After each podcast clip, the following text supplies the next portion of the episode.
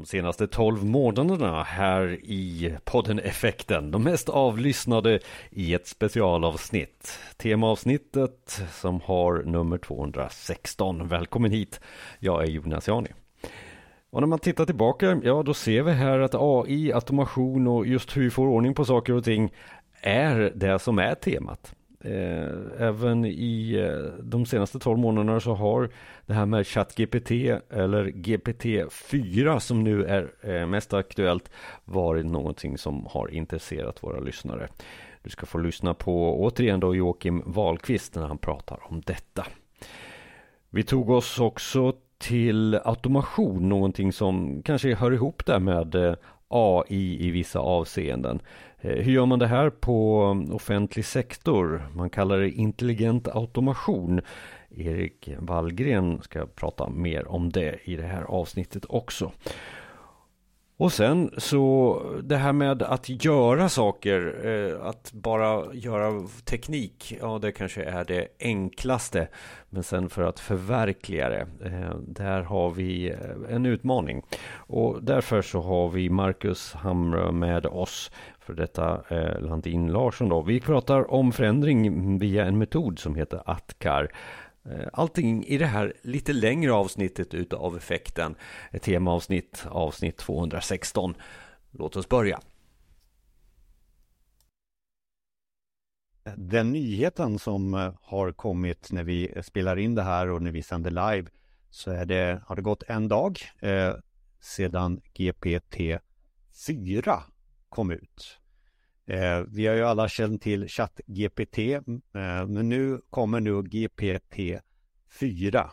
Joakim, först det här med förkortningar. Ska vi dra det först och sen så ska vi titta lite på varför det här och varför vi dels sänder live och spelar in och gör en podd utav det här. Varför är det så pass viktigt eh, för AI-utvecklingen? Men vi börjar någonstans. Vad står då GPT för? Generative Pre-trained Transformer står det för. Och, och vad en transformer är kanske vi inte ska gå in på och förklara, det blir väldigt tekniskt. Men generativt pre-trained, det, det, är ju alltså ett, någonting som kan generera och är förtränat. Eh, och det är ju det som är den, den här fantastiska funktionaliteten som vi alla har sett nu i ChatGPT. Att du kan, faktiskt kan få helt och hållet genererade svar. Du ställer en fråga och du får ett svar som skapas där och då baserat på vad du önskar.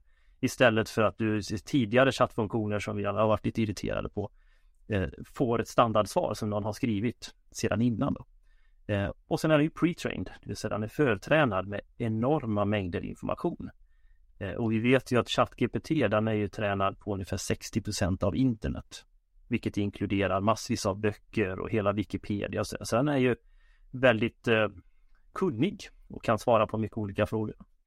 Och jag hoppas att du som lyssnar och tittar på det här eh, har testat eh, ChatGPT och, och, och, förstått möjligheterna. Om du inte har testat själv har du säkert sett möjligheterna där, där eh, man nästan fuskar sig till saker i skolan. Man, man kan få e-mail att skrivas på perfekt engelska. Man kan uppleva den lite pratig och sånt där, ChatGPT.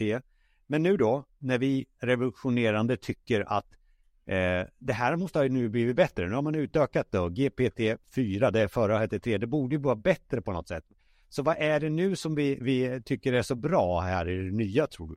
Är det, är det mer data? Är det mer, är det mer än 60 procent av internet? Det vet vi faktiskt inte. Jag har inte lyckats hitta någon information. Vi får ju säga att det här släpptes ju i svensk tid igår någonstans vid 6-7 på kvällen och nu är klockan 10, halv 11 här på morgonen dagen efter. Eh, så att det finns inte så mycket information att tillgå eh, exakt vad det är tränat på. Vi vet ju vad GPT-3 som egentligen var intelligensen bakom ChatGPT då, eh, är tränat på. Det var ungefär 60% av internet och man har specificerat vilka libraries med, alltså bibliotek med böcker och så här som man har använt. Eh, vi utgår ifrån att det är samma information eller mer som GPT-4 har tränats på. Och sen är den ju smartare i form av sin förståelse och sin eh, sin möjlighet att utföra väldigt komplexa uppgifter. Eh, den kan också förstå bilder, vilket är helt nytt. Tidigare ChatGPT då, GPT-3, eh, förstod bara text och kunde generera en text. Eh, vi har ju sett att OpenAI, det har vi inte sagt än, men OpenAI är ju den organisation som har tagit fram de här funktionerna vi pratar om.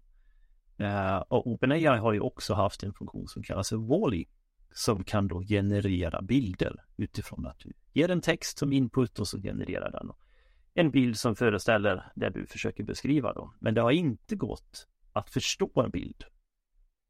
Men det är något man har lagt till här nu i GPT-4. Så vi ser nu en resa där algoritmen blir bättre och bättre för att man dels lägger på mer data men man Eh, förfinar också algoritmen för att svara bättre, svara mera realistiskt eller eh, eh, skapa meningar som, som inte är så pratiga etc. etc. Och så, så lägger man på även nya funktionalitet. Du pratar om förstå bilder. Den kan inte generera bilder kanske riktigt än. Det, det är fortfarande en separat tjänst. Men där är vi nära och då säger jag videos och så här. Är det här resan framåt eh, när vi kommer till fem, sex, 10. Ja, det har vi ju det här med att förutspå framtiden. Det brukar vara svårt. Det har historien visat att vi, är notoriskt dåliga på. Eh, men det är väl rimligt att tro att det kommer i framtida versioner av GPT-familjen här eh, kunna generera bilder för den funktionen finns ju redan hos OpenAI och det är ju därefter inte långt att tänka sig att man också kan generera videomaterial. Men vi vet inte och det är inget man har sagt något om. Man är väldigt tystlåten om framtida versioner. Det är egentligen fram tills igår som vi hade ingen aning om vad GPT-4 skulle handla om. Men, men, men min fråga där om framtiden bygger ju väldigt mycket på man lär sig av, av eh, historien när man kan titta in i, i, framtiden. Och då vill jag liksom egentligen säga så här att vi som har hållit på i den här branschen, eh, data, AI, eh, algoritmer, eh, på något sätt säger ja, ja, ja, men det här visste vi skulle ju släppas. Ja, eh, då kan man faktiskt uttrycka det, för det, det visste ja, vi ju. Sen när, ja, det visste vi ju inte. Nej, men, men, men, men, men, och det är inte bra att vara efterklok och, och sådana saker. Men eh, vi har ju haft det här. Det är bara det att nu har det kommit upp till ytan där man som privatperson och organisation börjar se oj, oj, oj, är det så här man kan göra? Mm. Eh, och jag, vi hade ju en podd eh, i, effekten när vi pratade om, om GPT, ChatGPT där i, i, november. Och då pratade vi om att eh, det här är någon form av tipping point på egentligen allting vi, vi hade här innan. Eh, kan du hålla med där eller alltså, har vi varit dåliga att informera? Nej, jag tycker väl ändå vi har försökt så gott vi bara har kunnat att informera om vilka möjligheter som, som finns och kommer finnas med AI. Men sen är det ju som alltid med förändring att eh, det tar tid. Det är mycket som ska förändras. Det är inte bara att det ska finnas en ny teknik. Kommer vi till våra vardagliga liv, ja vi kanske är snabba som individer att ta till oss en ny app eller funktionalitet någonstans. Eh, men i våra organisationer på både eh, så att säga, privata och offentliga sidan så tar det ju tid att förändras för vi har processer och människor och, och arbetssätt som är inarbetade som, som måste genomgå en förändring och det ska vi ha respekt för såklart. Men man kan säga att det är verkligen en tipping point.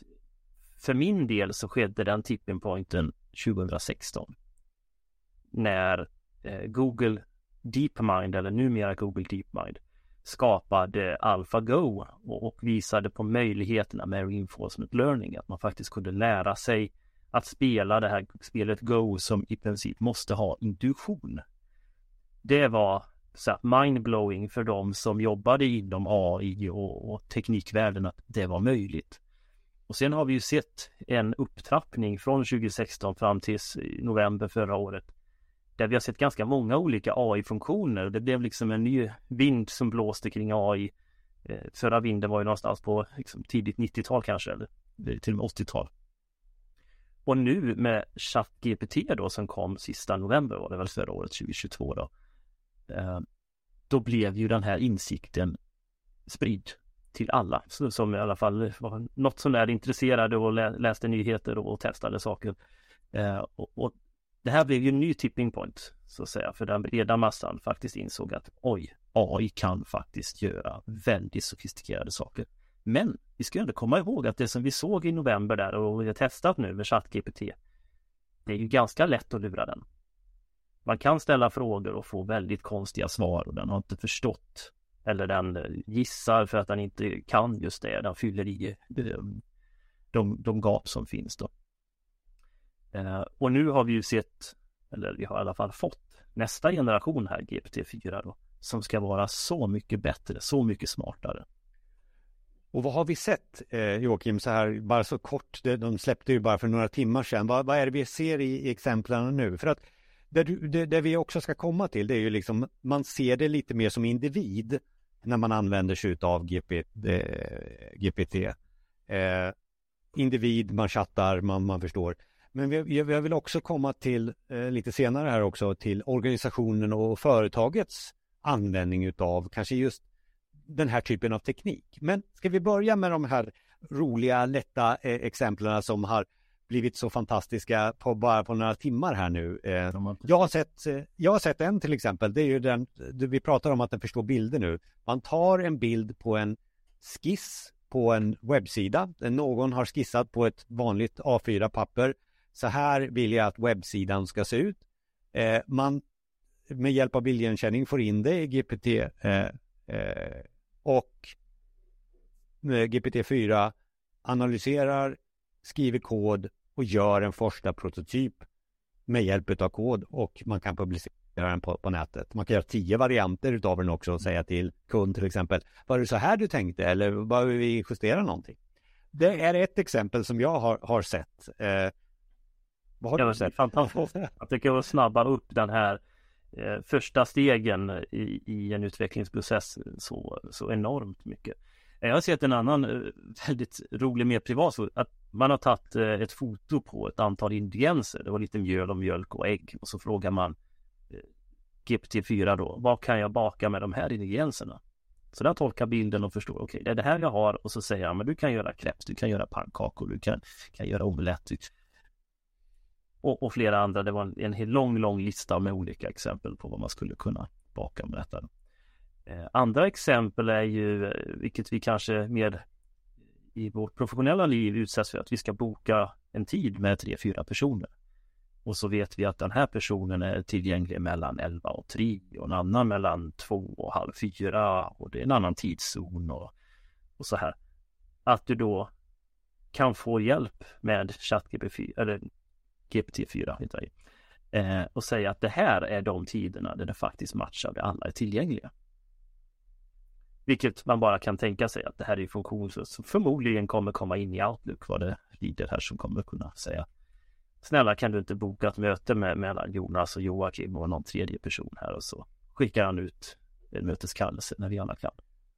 Ja, som, som det är just nu, bara för att förtydliga också, eh, så finns inte GPT-4 som chatt-GPT.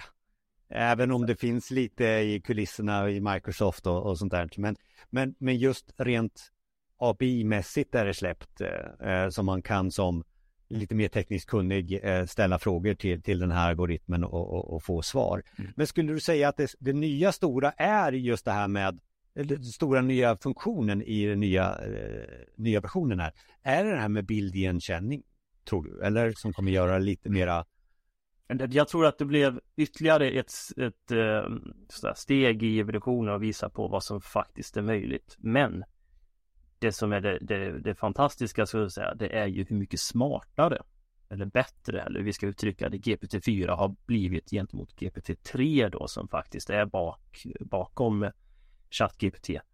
Eh, man har ju ett antal olika typer av tester såklart, liksom intelligenstester och sådant som man har benchmarkat emot. Och, ett sådant som heter Biology Olympiad med väldigt känt stort test.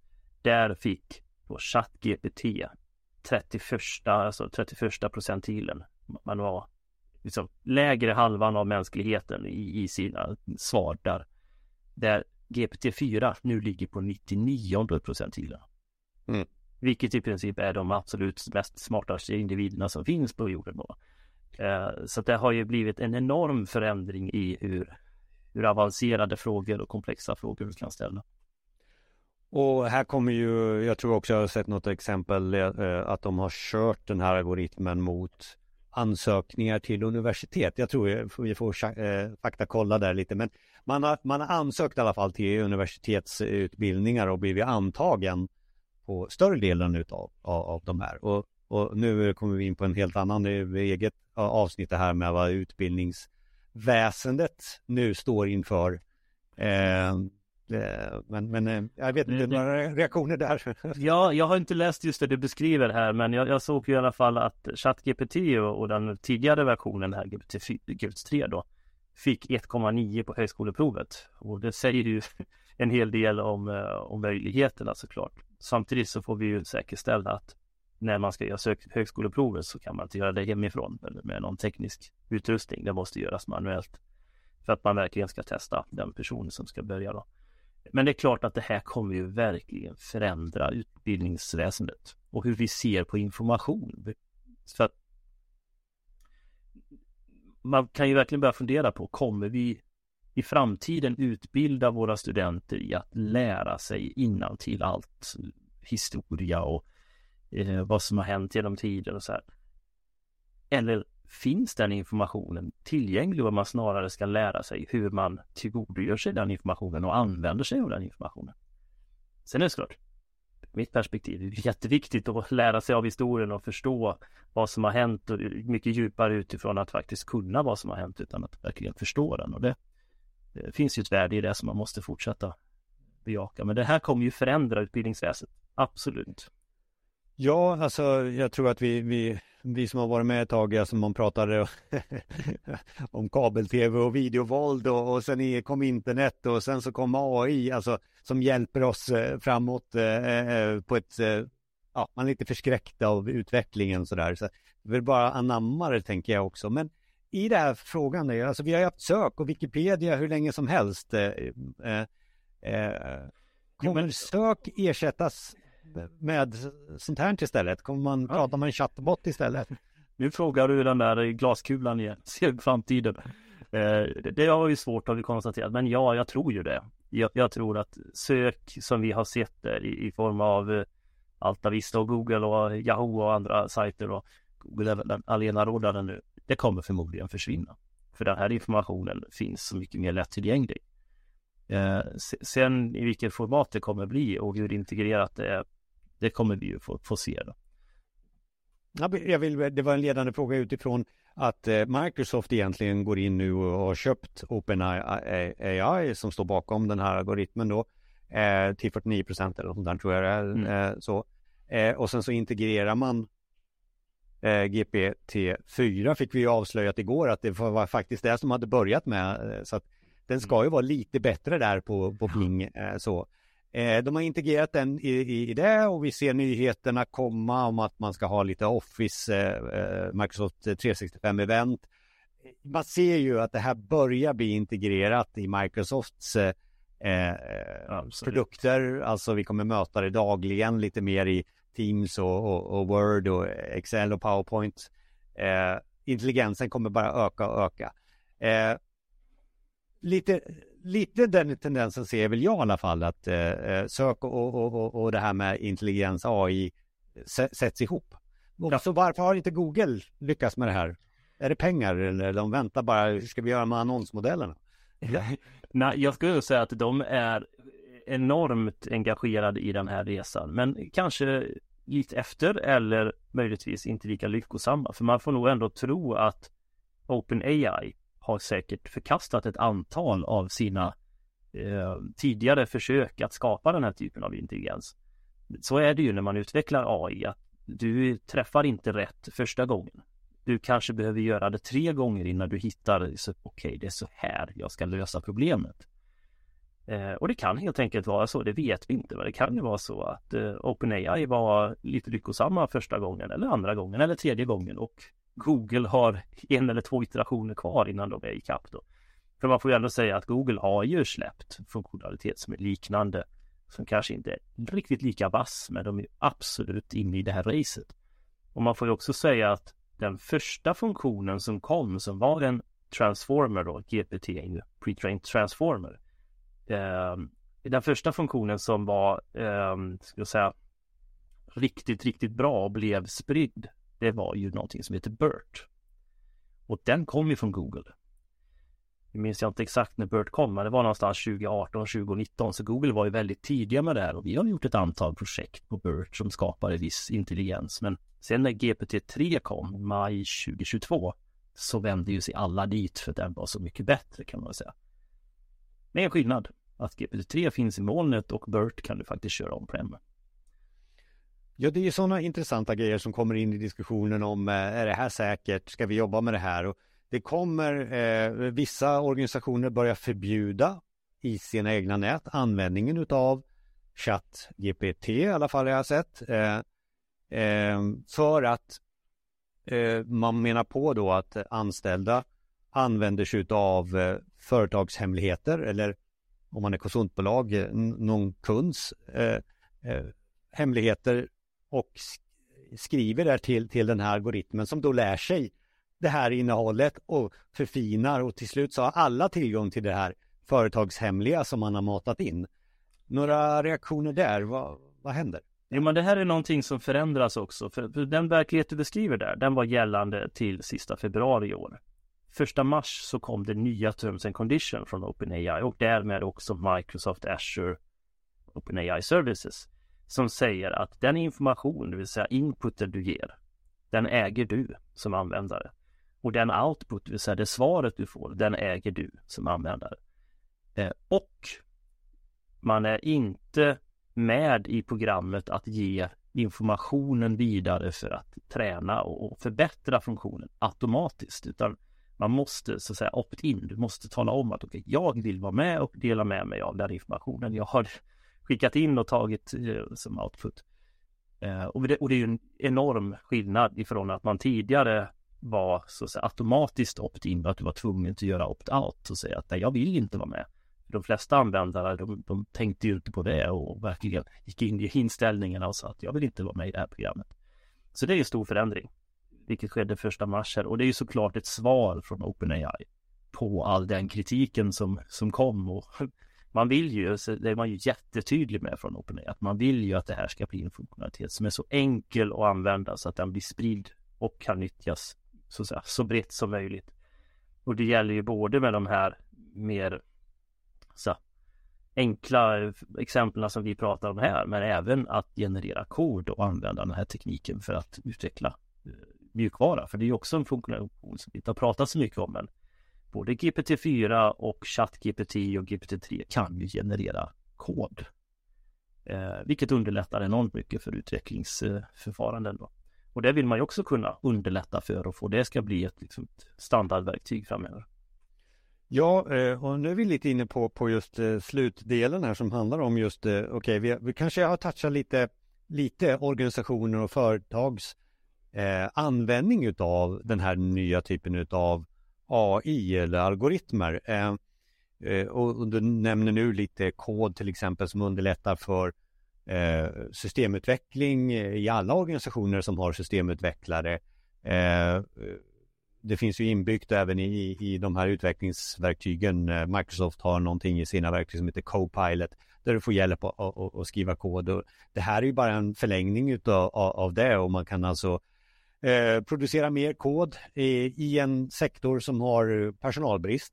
Eh, så kan man generera mer eh, och, och, och, på det sättet eh, kunna göra mera saker. Det är väl ett exempel på vad organisationer och företag kan ta vinning av det här. Men ett exempel till där för att spinna vidare där. Eh, många organisationer har ju börjat använda Microsoft Power Platform för att enklare kunna ta fram applikationer och man från affärssidan ska kunna ta fram eh, olika typer av applikationer och där i finns det ju faktiskt funktioner att du med text kan beskriva att jag vill ha den här logiken och så genereras den koden. Det är ChatGPT eller GPT-3 som gör. Så redan nu sedan ganska lång tid tillbaka, jag tror det var 2021 faktiskt, så har ju Microsoft byggt in den här typen av funktionalitet i verktyg som Power Platform då. Och som du var inne på innan, det här kommer vi ju se så mycket av i och med att vi har det här tajta samarbetet mellan OpenAI och Microsoft. Och då pratar vi egentligen nu om det här med, eh, nu är vi inne på lite systemutveckling, men det här med low code och pro code och, och low code gillar oftast inte systemutvecklare som har varit med ett tag. Så att här handlar det ju om en förändringsledning också. Eh, mm. Om vi nu tar bort det här med systemutveckling, det är förändringsledning, men det handlar ju om förändringsledning också och vad, vi pratade lite innan vi började uh, sända och spela in här också, uh, om just att företag nu uh, som vi jobbar med när vi jobbar konsultmässigt börjar ställa lite mera frågor om hur kan vi göra våra produktionsgolv mer intelligent? för vi ser ju att det här med ChatGPT, nu, nu fattar vi liksom vad kan vi göra? Är det, är det mer så? Kan du ge? Jo, men jag tror det. Jag, jag ser ju att precis som vi var inne på i början här, att det är ett paradigmskifte. Nu har den breda massan förstått att AI finns, det fungerar, det är faktiskt väldigt kompetent. Sen är det ju inte så att du kan ta ChatGPT eller GPT-4 idag i alla fall och, och börja använda för predictive maintenance, alltså förebyggande underhåll inom verkstadsindustri och förstå alla sensorer. Det, det är inte byggt för det. Däremot skulle jag säga att AI-tekniken den finns ju för att åstadkomma den typen av funktioner. Den har funnits länge och är väldigt, väldigt kompetent. Men vi har ju kanske väntat på den här breda förståelsen att det här går faktiskt att göra och det, det, är inget omöjligt. Det är till för alla så att säga att kunna använda sig av AI även i produktionsverksamheter eh, till exempel att jobba med predictive maintenance. Då. Men, men, men, samtalen med kunderna blir, blir, ju enklare att hålla, ja. Men det är fortfarande så att eh, verksamheter och organisationer behöver data för att göra det som de är bra, bra på ännu bättre. Så, så att är det fortfarande, nu är jag inne på det här var efterklok eller vad man nu ska säga, titta på historiken. Alltså, vi behöver data för att göra allting fint du ser eh, i, i, i ChatGPT mm. eller GPT-4. Vi behöver er data också komplettera till det här. Är det en diskussion som är enklare nu? Vi pratar om, äh, återigen, produktionsgolvet. Samla äh, data från produktionsmaskiner och sånt där. Sätter man igång det nu eller har man haft det? Har man, eh, jag skulle vilja säga att man, man, är inte klar och man kanske aldrig blir klar när det gäller att samla in och tillrättalägga och kvalitetssäkra data. Det, det är ett stort och omfattande arbete. Eh, och jag skulle inte säga att jag har sett någon större förändring. Däremot så pågick ju det här tidigare det, det, har ju funnits länge en utbredd förståelse för vilket värde det finns i data. Inte bara kopplat till intelligens utan mer liksom insikter och förståelse som du också kan få från data och ren effektivisering att data finns tillgänglig. Så den där resan den har pågått i många år eh, och vi har gjort ganska många projekt på att liksom lyfta eh, tidigare informationslösningar in i någon ny mer dynamisk lösning som kan hantera information på ett enklare sätt och mer i realtid och så här då. Men det finns fantastiskt mycket kvar att göra, måste man säga. För det, det finns så mycket data, framförallt om vi kommer till mer liksom, sensorer och den här typen av information. Där, där har väl resan eh, startat för vissa, men, men långt ifrån alla. Då. Man får väl också säga att det finns ju så mycket man kan tänka sig att den här nya funktionen då, GPT-4 och ChatGPT behöver ju inte kanske att du ska koppla upp varenda liten sensor och maskin du har i din verksamhet. Det finns ju annan information som du har att tillgå som man skulle kunna skapa väldigt värdefulla use case då. Eh, ett, ett vanlig diskussion som jag möter är att vi har personer som har jobbat i den här branschen i 40 år och nu går de i pension. Den kunskapen de har nedärvt i sig, i själen nästan, den går förlorad. Eh, och det är väldigt svårt att lära upp. Det finns inget lärlingssystem direkt i Sverige längre. Eh, så, så, att man, man går förlorad om den kunskapen. Och här finns ju faktiskt nu en möjlighet att få den informationen in i funktioner som GPT-4 och ChatGPT och träna en väldigt specifik funktion som kan just din sektor eller dina maskiner. Eh, och det är ju så att det vi ser nu, vi tittar på ChatGPT och tycker det är jättespännande att jag kan fråga en allmän fråga och den kan svaret. Men det vi ska komma ihåg det är ju att bakom bakomliggande planet, där finns ju funktioner att säga glöm allt du kan som finns från internet. Lär dig bara de här 20 dokumenten eller 20 000 dokumenten och svara utifrån den informationen som är våran interna.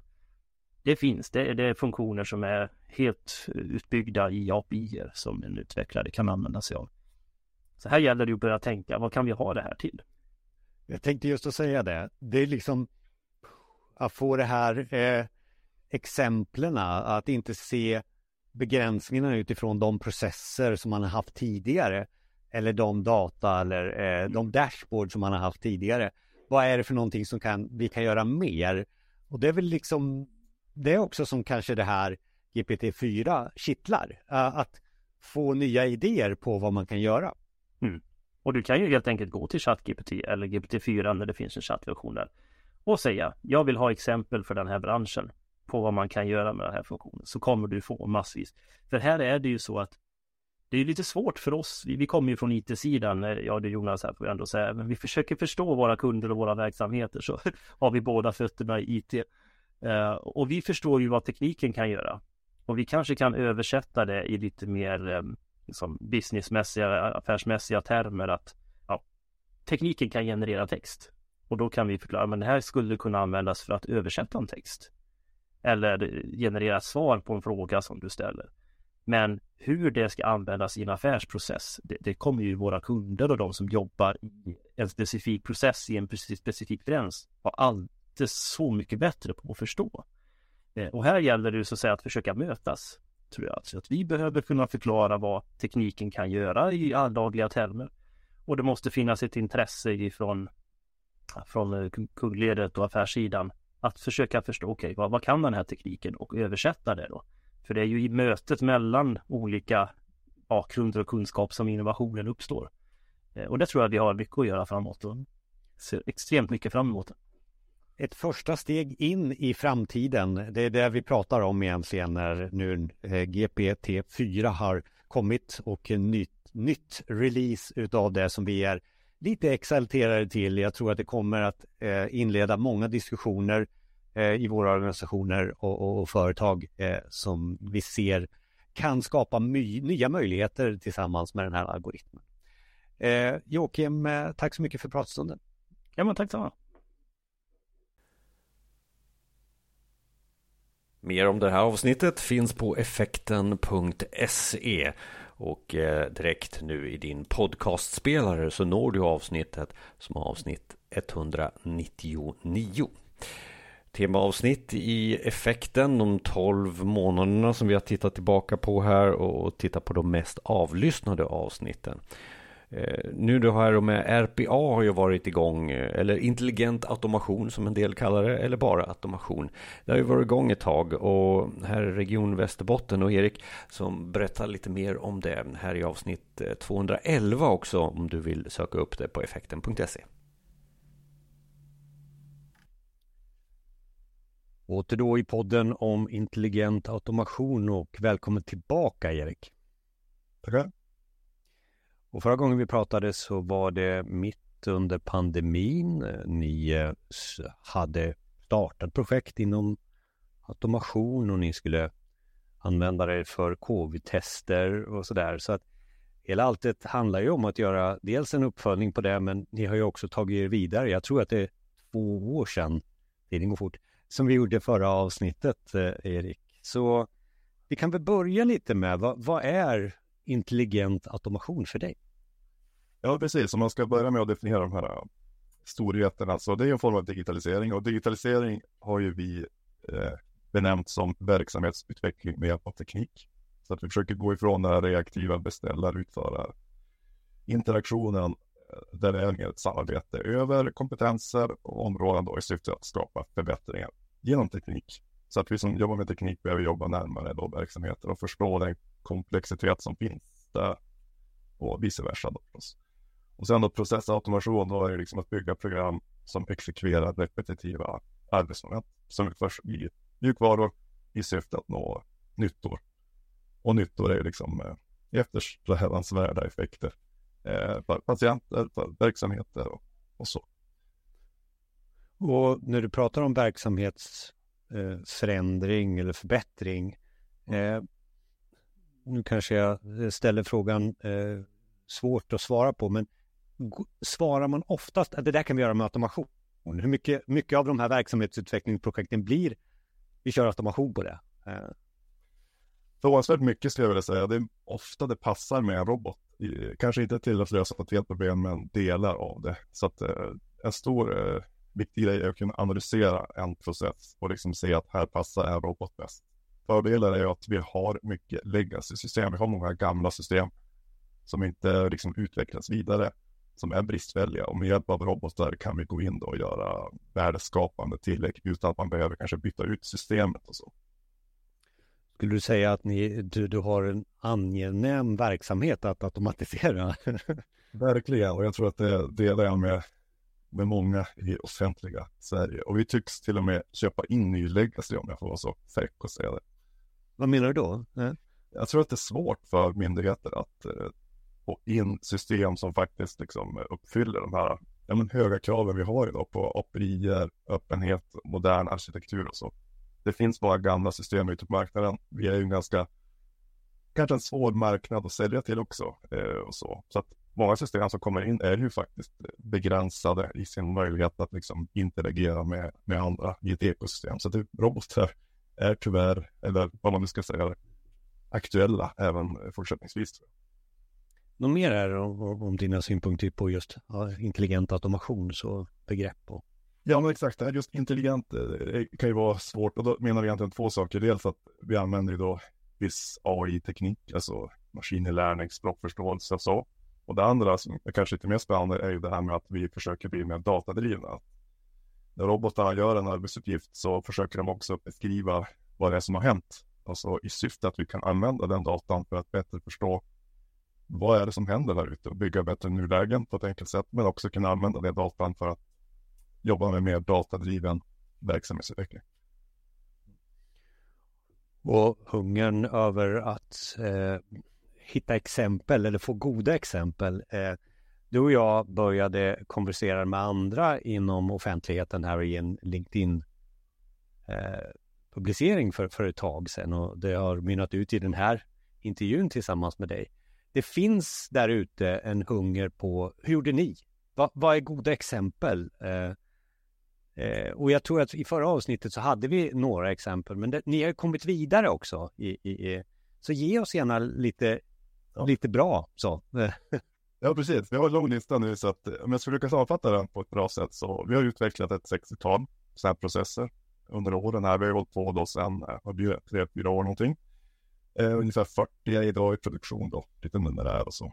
Eh, den största automationen för oss, det var ju under covid och även faktiskt fortsättningsvis att vi registrerar vaccinationer som vi har eh, gett till ja, invånarna i Västerbotten. Så under de här åren har ju vi administrerat många hundratusentals nära vaccinationer i journalsystemet med hjälp av robotar. Och fördelarna med det är naturligtvis den tid som det hade tagit för människor att göra det. här. Det hade varit väldigt svårt. Men också att det ska bli rätt i systemet. Eh, där har vi siffror på till exempel en robot gör, har gjort rätt 99,9 procent av gångerna. Det här kan vi validera gentemot register som de här vaccinationerna ska sedan åka till för att eh, ja, men, invånare ska kunna få ut sina covidpass för att resa exempelvis. Medan mänsklig inmatning bara uppnår ungefär till 82 procent. Så att vi har en ganska stor kvalitetsskillnad där, förutom den här liksom, tiden det tar. Liksom. Så det är den absolut största och där har vi ombordat flera vaccinationstyper, så även influensavaccin och många andra influensatyper i den här robotlösningen. Så det, det är vår största liksom, automation. Men, men hur gör ni där? Alltså den sköterskan som tar sprutan, alltså matar väl in någonting? Man behöver inte mata in allt, eller är det så jag uppfattar det då? Ja, man skannar olika, man skannar körkort och man skannar så. Det här numret, det som är lite krävande är det här lottnumret som jag tror att det heter på det här vaccinet. Vilket vaccin är det? Exakt vilken batch och det är ganska svårt att liksom skriva det och göra det rätt, eh, även om man är väldigt noggrann. Så, så det är den typen av effekter vi kan då få en robot att kö, via en väldigt stor kö trycka in på rätt patient med rätt uppgifter då, med rätt behörighet. Det här görs ju övervakas av behöriga personer om roboten skulle göra misstag. Så befintliga eh, journalsystem, men man lägger det, den här automationen man scannar in någon streckkod eller något liknande istället för att mata in det direkt i, i patientsystemet då, som jag uppfattar det. Mm. Precis, istället för att man ska skriva in det här så får man hjälp med att roboten gör det här och det går ju då avsevärt mycket eh, snabbare så att man hinner liksom med att trycka in kanske tusen registreringar per dag istället för kanske 50. Så att det är en väldigt stor eh, skalfördel där. Så istället för att köpa ett nytt system som skulle göra det här så kunde vi använda det vi hade vi behöver inte ändra så mycket i verksamhetsprocesserna. och kunna nå den här nyttan med hjälp av robotar. Mer? ja, det är Jag jobbar mycket med ekonomi, fakturor. Eh, det är en stor grej för oss. Jag menar, vi får in ungefär 12-13 000 e-fakturor varje månad. Eh, så det första vi gjorde där, i och med att allting handlar väldigt mycket om data, så att vi började lagra ner de här e-fakturorna, kan man ju få radinformation. Med hjälp av det så har vi kunnat bygga väldigt många tillämpningar. Det handlar mycket om att kontera leverantörsfakturor, i vissa fall ankomstattestera leverantörsfakturor. Det blir fler och fler fakturor, mycket på grund av ökad liksom, e-handel, moderna sätt att ha relationer till leverantörer. Vi har utomlandsfakturering exempelvis, som har blivit väldigt många enstaka fakturor då, jämfört med tidigare.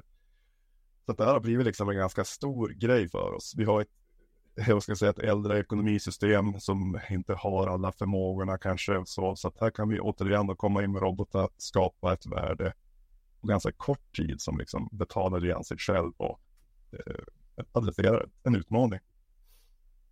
Men, men, är det inte också, nu har vi två exempel, du kommer, du kommer säkert ge oss fler, men det känns också som att man lägger någon våt filt över gamla system så här. Mm. Ja, men, det, finns det inga beslut, ja men vi måste nog byta ut ekonomisystemet kanske inte är det bästa exemplet på att byta ut, men, men ändå, vi, vi måste byta ut källsystemet, vi kan inte lägga den här våta filten varenda gång. Är det några, finns det sådana diskussioner? Definitivt, men vi har ju flera hundra sådana här system eh, jag gjorde en inventering för några år sedan och det var ju liksom 150 system i vårdprocesser och så. Så det är väldigt många olika informationssystem som vi pratar om här då. Men vi orkar ju inte heller med eh, ekonomiskt men även resursmässigt att byta ut de här. Det är krävande stora projekt. Vi tillsammans med eh, åtta andra regioner i Sverige genomför ju nu ett stort systembyte med våra journalsystem inom ramen för SUSA-samarbetet, det vi kallar FVIS. Där använder vi också robotar för att migrera information. Så det, det är väl vår stora grej som vi jobbar med nu, att faktiskt föra över information, eh, läkemedels, eh, alltså information, vilka läkemedel man har eller vilka patienter vi ska lägga upp i det nya systemet och så. Som egentligen skulle då göras av, av eh, läkare och sjuksköterskor och så. Men vi försöker att flytta det till robotar som gör det här betydligt snabbare och effektivare. Du har, ja, nu är det tre exempel. Det, det, är många, vad var det, 60 stycken? Vi behöver inte ta allihop, men du har säkert någon mer också sådär som är kanske din favorit också. Ja, precis. Vi har ju också liksom allmänt systemunderhåll. Det är väl en slags gruppering. Det kan ju vara ganska små grejer. Det kan vara alltifrån databasfrågor, lite städning i system, eh, eh gruppera information, enkla uppgifter i legacy-system. Behörigheter är en annan grej som jag jobbar ganska länge med. Så att eh, roboten vittjar en ärendekö. Eh, en behörig beställning på att en viss användare ska ha en behörighet och så exekverar den det. Det är ju bra för system, återigen legacy, som kanske inte är kopplade till ett AD utan har en behörighetskontrollsystem, vad heter det, katalog i sig själv så att man måste gå in och klicka och så där. Sådana system har vi fortfarande kvar.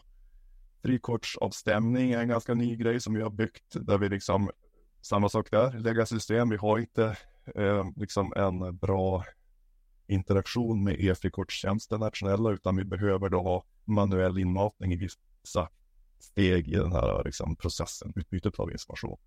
Då får vi hjälp med robot att eh, snabbare kunna skriva in de här uppgifterna så att det blir rätt.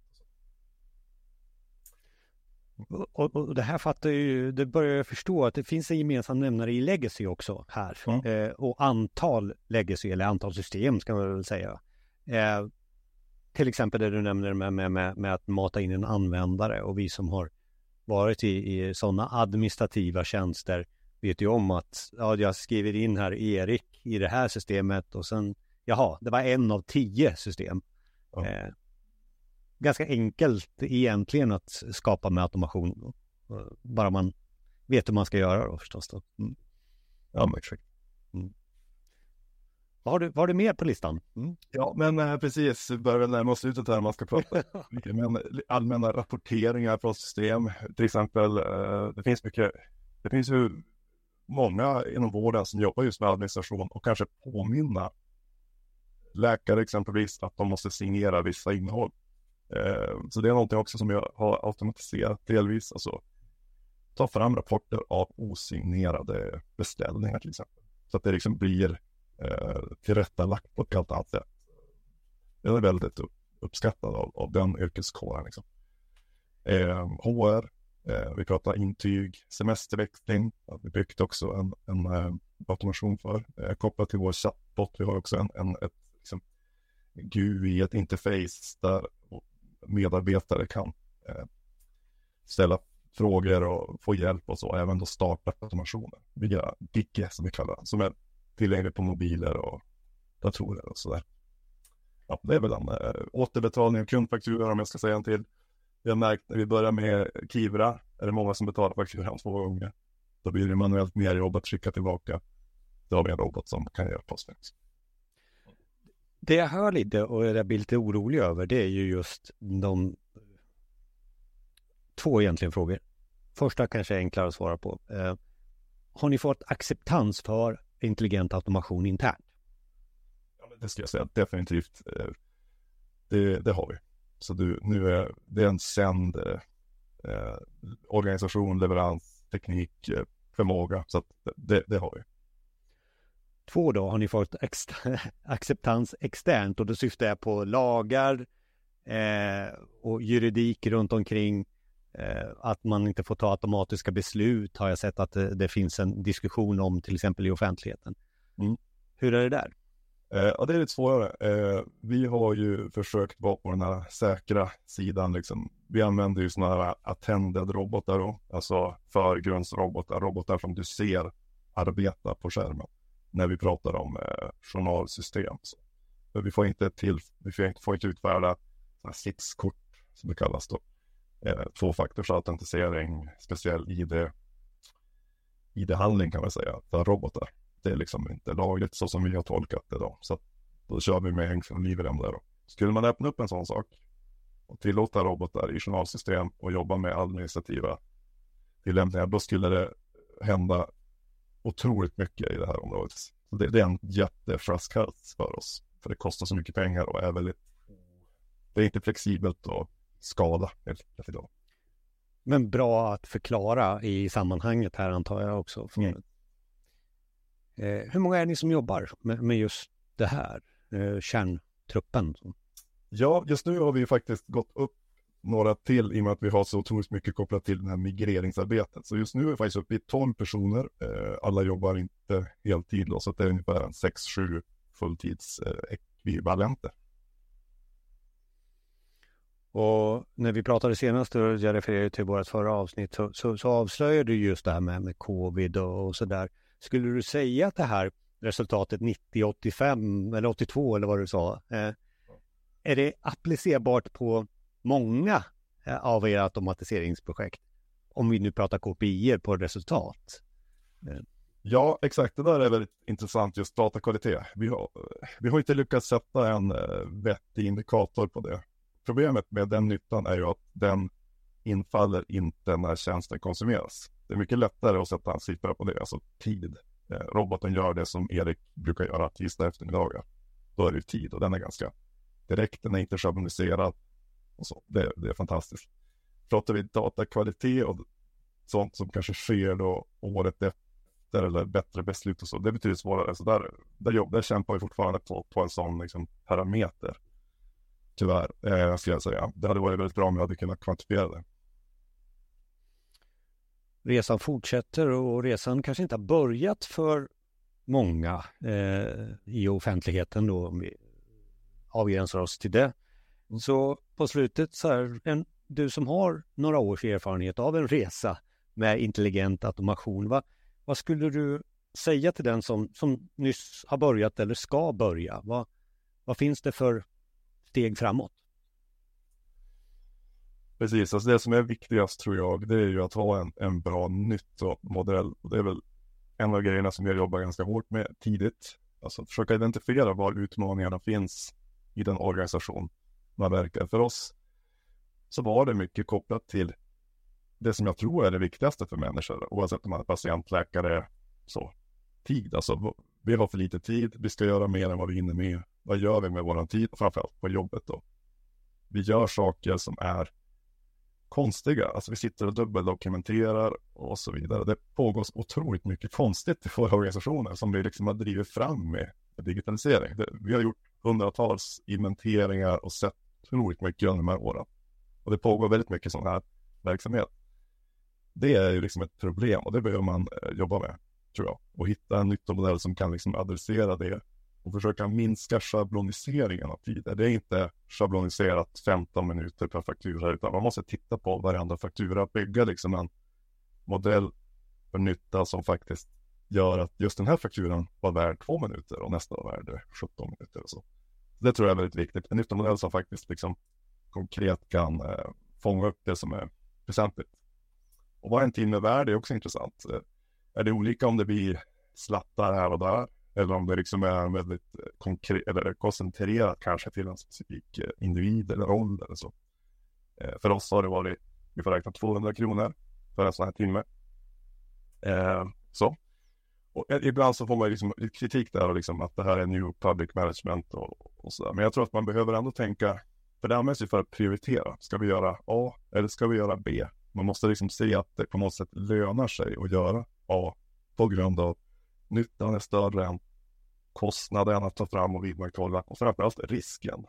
Eh, digitaliseringsrisken är liksom hanterbar. Risken att nytta uteblir, att du inte får ut det här till alla, exempelvis. Den typen av grejer är, är viktiga tror jag, att liksom adressera tidigt.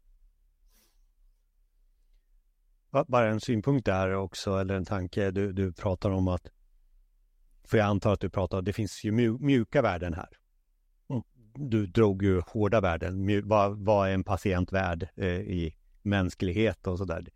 Den värderingen hoppas jag också ni har med i tankarna när ni, när ni tar er in i, i värderingen i, i processerna. Ja, det är liksom arbetsmiljö till exempel. Eh, ja, det finns ju massor med sånt också. Mm. När vi har de här kalkylerna är de ganska, vad ska vi säga, fyrkantiga. Alltså det handlar väldigt mycket om tid, är det här värt liksom att göra? Alltså return of investment på ett sätt. Tar det lika mycket tid för oss att skapa automationen som vad det gör idag liksom? Att utföra arbetsuppgiften då kanske det, då är det bara ett byte av kompetenser och så. Så det måste ändå finnas någon typ av uppsida där. Det, så. När vi kommer vidare då i, i på den här resan, vad, vad, vad ska vi tänka på då?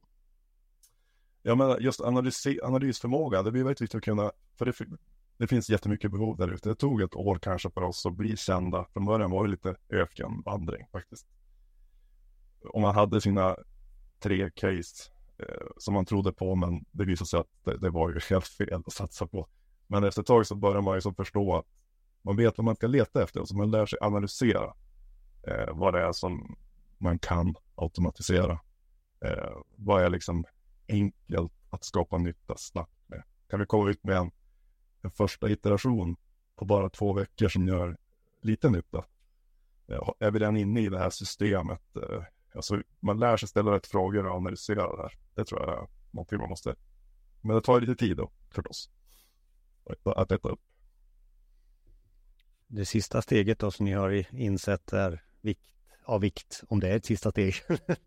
Ja, men just hela leveransmodellen, eh, alltså hur man gör med, hur ska man tänka in onboarding, vad ska det vara för mallar, DevOps och allt det här. Jag tänker faktiskt eh, lägga ut lite information om hur vi har gjort, om det är någon som vill på något sätt kopiera det eller göra det till steget eh, under, under hösten här på LinkedIn. Så jag ska försöka skriva lite artiklar på det. Ja, bara att du sa där till exempel att ni har gjort misstagen mm. eh, när ni väljer processer är ju väldigt, väldigt mycket värt kan jag tänka. Mm. Något mer du vill skicka med? Så. Nej, men just eh, det här med nytta, resurs och risk. tror jag är tre bra liksom, faktorer att tänka på oavsett vad man ska göra och börja litet och tänka att det här ska vara någonting som kan användas av väldigt många. Eh, och så. Så till slut så, så kommer det att gå bra intressant samtal och den sista frågan måste ju vara hur ser du framtiden för er nu med intelligent automation? Ja, och det är jättespännande för att i år har vi gått in mer i data AI-världen. Vi har fått en bra vi har nu en dataplattform som vi kan liksom jobba med data på ett helt annat sätt där vi kan väva i samma verk, vi får en stor verktygslåda vi kan jobba med verktyg analys och vi kan koppla på robot på samma datamängder som vi också kan eh, tillgängliggöra via våra chattbottar och så. Så alltså olika tillämpningar baserat på samma datasätt. Eh, det, det, är väldigt spännande och det har vi under året här då eh, börjat med. Så det, det, är väl nästa steg för oss att kunna nå liksom ännu större nyttor baserat på data. Jag tycker 20 minuters väldigt mycket erfarenhet och eh, eh, avslöjanden om eh, intelligent automation har vi fått av dig Erik. Eh, så tack så jättemycket för att du var med återigen i effekten. Tack så mycket. Ja, det är fint med teknik och få det att eh, funka är väl det som många vill och vänder och vrider på. Vi har med oss Marcus Hamrö, för detta Landin Larsson i, ett avsnitt. 203 har det. Eh, om du vill gå in på effekten.se redan nu och söka upp det. Eh, du kan också titta i din podcastspelare förstås. Atkar Atgar är en metod som du kan använda för förändringsledning. Kanske när det gäller att digitalisera eller digital transformation eller nu vad du nu vill kalla det. När du ska införa ett system eller något nytt sätt att jobba. Vi lyssnar till avsnittet. Adaption, digital transformation och digitalisering. Allting exempel på sådana saker som gör att vi förändras och vill framåt. Och välkommen då till podden igen då, Marcus. Stort tack, stort tack. Kul att vara med igen. Ämnet är förändringsledning, eh, men vi börjar någonstans. Eh, vad är förändringsledning kontra projektledning? Alltså, kan du vi tar begreppen här först. Vi, vi tar begreppen, ja men precis. Ja men alltså projektledning i sig, det är så som man brukar presentera det när man pratar skillnaderna mellan förändringsledning och projektledning så är det att den Projektledningen traditionellt driver ju projektet framåt. Den tittar på de tekniska aspekterna först och främst med att driva en leverans av en ny applikation, ett nytt ekonomisystem till exempel, där du ska liksom implementera den här. Du tittar på vad du har för typer av eh, hålpunkter och målbilder. Du har ett eh, en, en ekonomi att hålla koll på, du har eh, tidsangivelser för när saker och ting med deadlines som behöver vara klart i tid eh, och, du, och du driver det här framåt egentligen eh, rent tekniskt. Eh, och sen kopplar man det sen till vad skillnaderna blir då med förändringsledning i det här så är det att förändringsledning syftar till att hantera och stötta metodiskt människan i förändring. Så den tittar mer på de mjuka frågeställningarna utifrån att stötta och hjälpa individerna som faktiskt står inför den här förändringen. Så då man brukar säga det med att eh, med, eh, med, eh, project management is the technical side och sen så har du eh, change management eller förändringsledning då som tittar på the people side istället. Så det är väl en kort och gott enkelt förklarat liksom.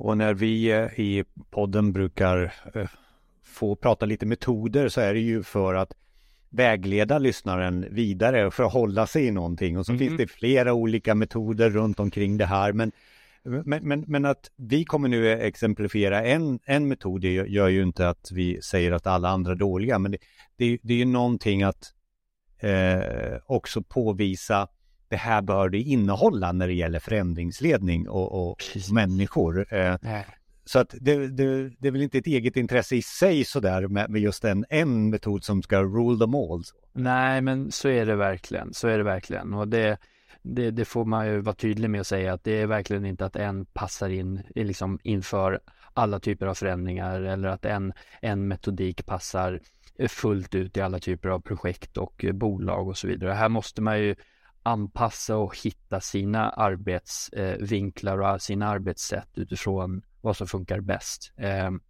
ehm, ja, det vi ska prata om väldigt mycket idag är ju eh, ProShy och deras akronym för ADCAR då, då eh, vilket vi går in på lite senare vad det står för och så. Men, men det jag vill, varför jag tycker den i alla fall är en av de som är bäst är för att det finns för det första så finns det en otroligt stor och bred verktygslåda där du som förändringsledare får stöttning och hjälp med verktyg för, för ditt eget arbetssätt då för att ta sig framåt. Och man behöver inte uppfinna hjulet gång på gång. Och man har ändå en, en tydlig metodik i att ta sig framåt och stötta antingen projektet eller organisationen för att ta sig framåt inom eh, förändringen som man står inför. Eh, och sen så är det faktiskt att det är idag den enda eh, eh, vad heter det, metodik som också bygger på nutida forskning. Så att den uppdateras också kontinuerligt hela tiden med faktabaserad eh, forskning helt enkelt. Eh, och då inte eh, liksom vilken, vilken forskning som helst utan faktiskt hur företag eh, globalt sett eh, arbetar med förändring och hur förändringarna ser ut idag och vad vi står för för typer av utmaningar idag inom våra organisationer, vilket jag tycker är ett otroligt starkt, eh, liksom, eh, ja, en, en, stor kraft i att faktiskt ta sig an den här i, i det stora liksom. Och man kan certifiera sig i metoden och, och det finns massor och, och, om det här. Men ja. för, att, för att lyssnarna ska fortsätta att lyssna när man har kört den här metoden och liksom har kört det igenom organisationen och, och stöttat människor, vi pratar om människor här, vi mm. ska påpeka det hela tiden. Vad blir, vad blir resultatet? Bara så vi, innan vi stiger in i det, vad blir resultatet? Ja, vi blir ja, så här, 100% bättre på vad då? Exakt, precis. Nej men eh, det som de har, och det här är igen, liksom, jag kan inte säga det tillräckligt många gånger, det här är ju faktiskt siffror som de får fram utifrån eh, vad deras egna forskning säger och vad de får för typer av resultat i sin, i sin forskning när de tar fram de här resultaten. Så att det här kommer ju, siffrorna kommer direkt ifrån eh, bolag och organisationer som finns globalt sett över hela världen. Eh, och tar man eh, hjälp av en, eh, av en eh, metodik som, som Adcar så är det upp till sex gånger större chans att man faktiskt lyckas med eh, objektiven som finns i leveranserna inom ett projekt. Eh, du är fem gånger så har större chans till att faktiskt hålla dig till den tid som man har i, alltså tidsaspekten som man har i sitt projekt. Och du har en, en dubbelt så hög chans till att hålla dig inom din budget. Eh, den där kan ju vara lite touchy-touchy för att vi vet ju alla hur det fungerar med att ha en, en projektbudget och har man, gjort, har man gjort sin hemläxa på ett bra sätt och inte har allt för många saker som dyker upp så är det jättebra. Men, men, så den kan ju vara kanske en sanning modifikation om jag ska vara helt ärlig. Men, men den som är den absolut viktigaste tycker jag i det här, det är också att man ser att leveranserna som är baserade på att människor och medarbetare i, inom projektet eh, har en mycket högre mognadsgrad till att ta sig an det här nya systemet, eller vad det nu kan vara, eh, och gör det på en mycket, mycket kortare tid gentemot om man inte jobbade med den här förändringsledningen i projektet. Vilka typer utav storlekar på bolag eh, och, och, och, projekt ska man använda sån här, den här metoden tycker du? Eh, finns det någon? Nej, alltså här, här tycker jag inte att det finns några begränsningar eh, alls faktiskt. Eh, jag tror att det, det, man ska ha med sig och det man ska identifiera innan man, man börjar titta överhuvudtaget på ett projekt, det är vart är det vi gör förändringen och vad är det vi ska genomföra inom det här, antingen då projektet eller om det faktiskt är på organisation. Och det här är en viktig aspekt som, som jag tror man många gånger glömmer bort i det här. Eh, vi har, när vi, när vi pratar inom ProShy och Adcar så, så delar de många gånger upp eh, metodikerna i att du har en projektdel där du liksom jobbar i projektet och driver en förändring inom projektet. Men du har också likväl en del där du faktiskt jobbar på en organisatorisk eh, nivå där man då tittar på en större förändring. Jag tror, att, jag tror att det är den man behöver identifiera och titta på. Vart driver vi våran förändring? För att även om du har ett projekt så kan du faktiskt kräva att du gör förändringen på en organisatorisk nivå istället för inom projektet. Om vi bara, eh, nu går vi in i, i, i metoden och förklarar för Mm. varje, varje del i, i det här. Eh, A står för någonting, D står för någonting. Vi går igenom alla bokstäver. Eh, men vi, vi, vi kan väl ha med oss ett ämne in. Alltså vi vill bli mera digitalt eh, transformerade som bolag. Mm. Mm. Alltså om man har med sig bara den, Ja, det den ämne. Ja, Ja, så. precis. När vi går, går in i, i, i metoden här så kommer vi på första A. Så. Ja, precis. Och A då, det är den första biten egentligen som står för awareness i, det här är ju en, en, en baserad borta i USA eh, som den kommer från, det är ett eh, amerikanskt bolag. Eh, Så awareness som oftast brukar översättas på, på svenska då till medvetenhet. Och det här handlar om att kom, börja med att kommunicera anledningen till förändringen och varför gör vi den här förändringen och varför är den nödvändig framför allt. Och det här är ju eh, liksom, det är den absolut viktigaste punkten som man behöver besvara och det här behöver man ju göra innan man startar projektet. Och det, med, innan jag går vidare så det här är också en sån här viktig punkt för att många gånger så eh, tillsätter man en projektorganisation. Eh, du säger att här har du ett projekt, du tillsätter en projektledare och sen så börjar man identifiera leveranser och leverabler inom det här och du sätter ett scope och du sitter eh, och du mer eller mindre du sätter liksom tidsangivelser och milstolpar och så vidare och sen drar du igång. Men vart någonstans är förändringen och varför gör vi den här? Den frågan är oftast faktiskt någonting som man behöver besvara redan innan man sätter projektscope så att man vet att man har liksom rätt typ av omfattning och man vet vilka som är intresserade av, den här, av det här projektet och vilka är intressenter och vilka är de som faktiskt blir i, liksom med i den här förändringen så man har det klart för sig. För att oftast om man driver, driver ett projekt så är det oftast att du har det nere kanske på i, i linjen eh, i en organisation. Men de som behöver adresseras absolut först i det här för de som blir den absolut starkaste sponsorn, ja men det är ju företagsledningen i sig. Ehm, och de behöver gå igenom den här förändringen innan man går igenom projektet för att de blir den absolut starkaste sponsorn. Så, så awareness i, ämnet då, vi tog ju Mm. bara Medvetenhet, ja men precis. Eh, Medvetenhet i, i digital transformation är att nu ska Ja. vi göra det här. Gubbar och gummor, nu ska vi göra det här. Är, det, är det ungefär där man... Ja men det, det är ungefär där man börjar. Sen, Ja. det här handlar ju om att någonstans att öka medvetenheten inom organisationen och berätta anledningen och bakgrunden till förändringen. Och också göra det med olika typer av utgångspunkter många gånger och helst då såklart i en, i en form av olika typer av storytellings och berättelser för att det ska få en personlig anknytning så att man själv kan sätta sig in i sin egen vardag och greppa eh, på, ett, på ett mer personligare sätt med om varför man gör det här. Otroligt viktigt. Eh, och, och att man också då tar, tar fram fördelar och, och förbättringar som man ser kommer med den här förändringen i sig. Eh, och sen att man skapar förutsättningar redan i det här första steget för en väldigt öppen och ärlig dialog mellan alla typer av människor. För att det är väldigt, väldigt viktigt att redan nu börja skapa tid och rum för att reflektera, ställa frågor, komma med egna exempel och erfarenheter kopplat till det här. Ehm, ett, ett tips man kan ha med sig i det här.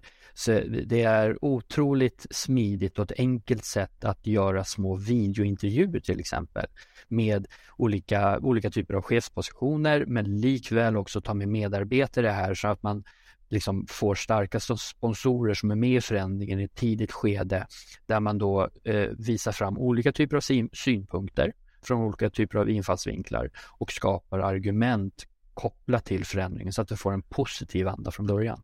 Det låter som att det här steget känns, det är viktigt, viktigt bra, med bra start låter det som. Verkligen, Eh, verkligen. Så, för vi kommer ju till desire och acknowledgement som är de två nästföljande Ja, stegen här. ja. Så man kanske tänker sig att det där skulle vi börja. Alltså, Oh jag har ju en vilja här att eh, Ja. få, in, få in alla verktyg. Så, Ja, eh, precis. kör vi utbildning på det. Ja, ja men precis. Ja, och det, liksom, det är, här är det väldigt viktigt. Det är här igen då som, som eh, den här akronymen och det här eh, eh, stödet kommer in i att då kan du, när du har börjat gjort den här awareness först, här kommer du kunna då eh, med, med hjälp av de olika verktygen som finns tillgängliga inom det här är att då kanske du gör en, en medarbetarundersökning till exempel så att du faktiskt ser att du har skapat den awareness och den medvetenheten som du förväntar dig och att det gäller hos alla.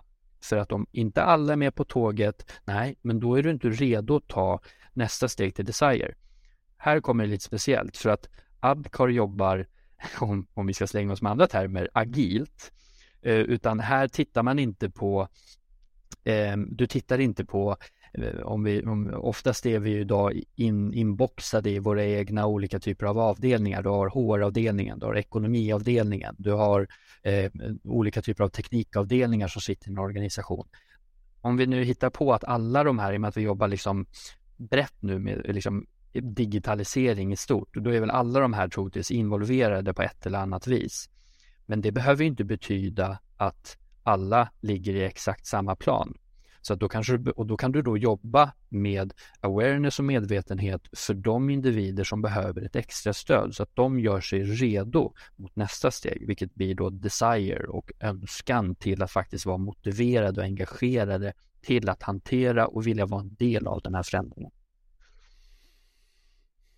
Du gör någonting som, som eh, du, du du får alla att tycka att det här är en bra grej, alltså det, desire, ja, alltså ja, att alla vill ha det här. Alla, alla vill ha det här. Att det, det ska införas och, ja. Eh, och jag kommer att eh, bidra också. Mm. Eh, ja. Eller också en viktig del av det. Precis, ja men precis. Och här, det här är faktiskt nog den, för, för, när du jobbar som förändringsledare så skulle jag nog säga att eh, steg två, desire, är nog den som är den mest komplexa byggstenen. För här pratar vi om den specifika individen på rakt ner i liksom kåren hos, i, hos personer. Du kommer alltid ha vissa individer som spjärnar emot. Hur mycket du än skapar medvetenheten och hur mycket du än kommunicerar kring förändringen och boostar upp den här och den positiva attityden finns i nio av tio personer så, så kommer du alltid ha någon som eh, motsätter sig helt och hållet. Och, och, det är egentligen bara att försöka hantera på absolut bästa sätt. Eh, liksom, det är helt fine att låta eh, och, och ha sådana typer av individer. Men kom ihåg att det är en av tio om vi leker med siffran. Lägg inte fokus allt för länge på den individen utan låt den få var med på resan men lägg inte fokus på den utan fortsätt att driva på förändringen i sig så att man inte fastnar i det här utan ta den vid sidan då och låt den få vara en del men inte ha så kanske stort eh, så stor del i projektet i sig så att man faktiskt också kommer framåt. För annars är det väldigt lätt att man fastnar i, i steg två med desire faktiskt. Och jag, jag känner att awareness och desire tar väldigt mycket tid. Ja, men det gör det. Det gör det. Mm. Det gör det. Eh, men, men det är också viktigt att låta det ta tid, eh, men att göra det såklart till liksom eh, så att man ser att man har majoriteten av människorna med sig, ska jag väl säga. Du, mm. som, som jag sa, du, du, kan hålla på med det här hur länge som helst och då fastnar man i ett ekorrhjul mellan, mellan steg ett och två bara. Eh, har du majoriteten av människorna med dig börja jobba med dem då så att de känner att det går framåt hela tiden. Det är otroligt viktigt att skapa det här positiva momentumet och att man faktiskt ser att man kommer framåt också. Ehm, för att när de, när, när de här människorna har tagit sig mot awareness, som har tagit sig till desire, då är de redo för det tredje steget, vilket blir knowledge. Och här skapar vi den här kunskapen. Ehm, och är det inte så i, i, knowledge och sen ability som kommer efter där? Ja. Här känns det som mer traditionellt. Här, alltså, här, här ja. nu, in med dem i en lektionssal, nu utbildar ja. vi dem ja. och så ser vi till att de verkligen kan det här också ute, ja. ute ja. sen i sin dagliga. Eller, eller? Ja, jo, men faktiskt, det, det är väldigt, väldigt simpelt i, i de här stegen och, det, och här är ju verkligen den här eh, symbiosen mellan det traditionella projektet. Där har du gjort då, man säger med, med vad, du har, vad som har hänt på projektsidan nu utifrån den tekniska aspekten så har du om du har ett, ett nytt, eh, ett nytt eh, system av något slag, ekonomisystem eller HR-system som har implementerats, ja men då har du gjort eh, troligtvis gjort, eh, du har satt upp serven, du har installerat applikationen, du har dragit igång tester och här någonstans nu så är du ju då redo att kasta in människorna i testmiljöerna oftast då kanske där du då börjar jobba med kunskaps utbildningen. då, då. och det här är ju rent att göra eh, en fördjupad kunskap och kompetenshöjning för att de ska vara redo att vara med i en del av den, den stora förändringen sen när man faktiskt går live. Ehm, och det är så pass enkelt att här är det ju bara att se över och hitta nyckeltal för vad är det vi vill lära ut och, hur, och hitta sätt för hur vi lär ut dem. Så att det blir, oftast är det ju väldigt mycket lättare att göra det eh, eh, vad, vad ProShare känner, se, ser som bäst i det här så är det mycket byggt på socialt lärande som de säger. Det, det är liksom nyckeln till att sprida kunskapen på ett absolut bästa sätt. Eh, att inte bara skicka kurs, eh, skicka personer på kurser helt oplanerat utan att det finns en tydlig struktur och verktyg finns på plats för implementeringen så att man faktiskt kan ta sig an de här nya kunskaperna och kompetenserna eh, väldigt fort också. Ehm, och ehm, det är egentligen så pass simpelt ja. i sig. Men, men awareness, desire, knowledge, nu är vi någonstans att eh, den här organisationen har kommit eh, långt ja, med, med ämnet eh, digital transformation eller vad det nu är för någonting. Mm, så. Mm. Eh, nu i ability som är det näst sista steget, är ja. det då vi, vi ser till att det implementeras eller hur ska Um, ja, um, både ja och nej. Här någonstans ren, så, så blir det lite beroende på um, jag, jag, skulle säga att jag tror att fyran eh, i ability, där är du fortfarande i den här test och kunskapsöverföringen och skapa eh, den tillräckliga kunskapen. Ability är ju översatt på, på svenska till förmåga och här handlar det mycket om att identifiera och hantera hinder. Alltså kunskap handlar om att liksom handlar ju om fakta och förståelse. Förmågan här handlar om att hur, alltså förmågan att, in, liksom att eh, tillämpa dina kunskaper och också hitta de hinder inför en go live egentligen så att du faktiskt är redo i det här.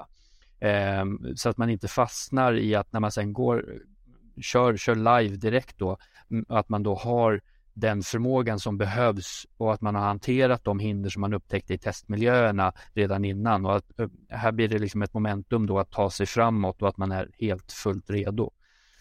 Um, och sen så kommer vi nu då till det sista steget som handlar om reinforcement um, och det är ju förstärkning och här, har ju, här går det ju live. Nu blir det liksom eh, den verkliga utmaningen i det här och att, att faktiskt åstadkomma Eh, förändringen, implementer du har gjort implementeringen, du har gått live och hur du nu också säkerställer så att man inte faller tillbaka i ett gammalt mönster utan att man faktiskt tar sig framåt och förstärker, fortsätter att förstärka den här positiva dialogen som man har inom eh, leveransen och inom organisationen så att man också ser hur man tar sig framåt och att man gör det på ett väldigt starkt och bra sätt. Eh, kom ihåg att fira milstolparna. Eh, gör kanske någon typ av medarbetarundersökning för att se, okej, okay, blev resultatet det vi förväntade oss? Vad säger de nu om det nya systemet och så, och så vidare. Eh, och, och, vi har ju varit högtflygande i, i de här olika och det finns ju mera sådana tips i varje kategori förstås. Verkligen. Införande. Men om du skulle ta någon, någon del av, av Atkar och de här uh, bokstäverna vi har pratat om och, och, och säga så här, det här är, det utmaningen här är. Eh, är det där i början skulle du säga? Eller är det, ja, var... ja, mm. ja, det skulle jag säga. Eh, utmaningen är alltid att skapa eh, den här medvetenheten och önskan till förändringen. Där, där blir det lätt att man fastnar i ett ekorrhjul, men kom ihåg att fokusera inte allt för mycket på det negativa Eh, eh skaran människor som finns utan se till så att projektet kan på ett smidigt sätt drivas framåt i, i, i, den, i den takt som man ändå förväntar sig någonstans och hantera de här vid sidan av. För att låta den positiva gruppen fortsätta framåt. För att den, den kommer att övervinna det här och förändringen som är, är kanske inte för alla. Man kan inte alltid få med sig alla människor och det är helt okej. Okay. Och, och, då får man ta det, då får man ta den dialogen som, då faktiskt som chef och ledare och säga att komma någonstans till grund till att okej, okay, nu, nu är du inte med på tåget i det här, det är helt okej, okay, men låt oss hitta en väg framåt för dig specifikt då. Vad kan vi göra för att du ska antingen bli en del av det här eller ska vi kanske hitta en ny roll, en annan, en annan position eller någonting så att man ändå liksom identifierar eh, problematiken, hanterar situationen och också ser individen att det är helt okej, okay, men du kan kanske inte vara en del av den här avdelningen då, men vi skulle kunna göra den här resan tillsammans med dig. Stötta människor sa vi i början. Det här är en metod för, för just det. Men ska vi ha lite på slutet också någon form av självkritik? Alltså en metod funkar inte på allt. Nej, eh, nej heller. Och, ja. och det här, eh, vad funkar det bäst på då om vi säger så? Vilka ämnen har du kört på? Som.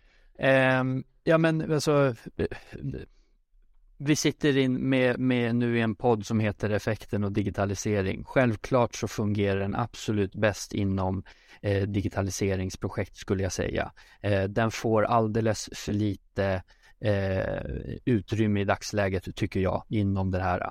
Eh, så att jag, jag tycker den hör väldigt bra hemma hos olika typer av förändringsprojekt som görs när man byter från ett system till ett annat. Alternativt att man gör om olika typer av arbetsuppgifter när man går från den manuella eh, liksom arbetsstrukturen till det mer digitala som är liksom digitalt på riktigt, att du automatiserar och effektiviserar förbättringar. Så att där behöver vi stötta eh, våra individer på ett bättre sätt. Och i podcastspelaren och i bloggen så finns det ju förstås mer att läsa nu för det är att läsa på och man kan även certifiera sig, man kan prata med Marcus. Eh, eh, vidare här, det här var en snabb genomgång utav eh, Atkar-metoden som förändringsledning. Tack Marcus! Tack så jättemycket! Och tack för att du lyssnat till effekten och det här specialavsnittet eh, som tittar tillbaka på 12 månader utav effekten. Eh, och tack för att du är med oss. Eh, du har funnits med oss sedan 2016 kanske. Om inte så är du varmt välkommen hit till oss. Börja en prenumeration och dela det här avsnittet. Gör en screenshot och dela på sociala medier till exempel. Eller skickar iväg det via någon messenger-tjänst till din kompis. Vi är oerhört tacksamma för att dela med oss av de insikter vi får när vi gör den här podden. Jag är Jonas Jani och tillsammans med Micke Nobäck gör vi digitaliseringens podcast. Det här är effekten.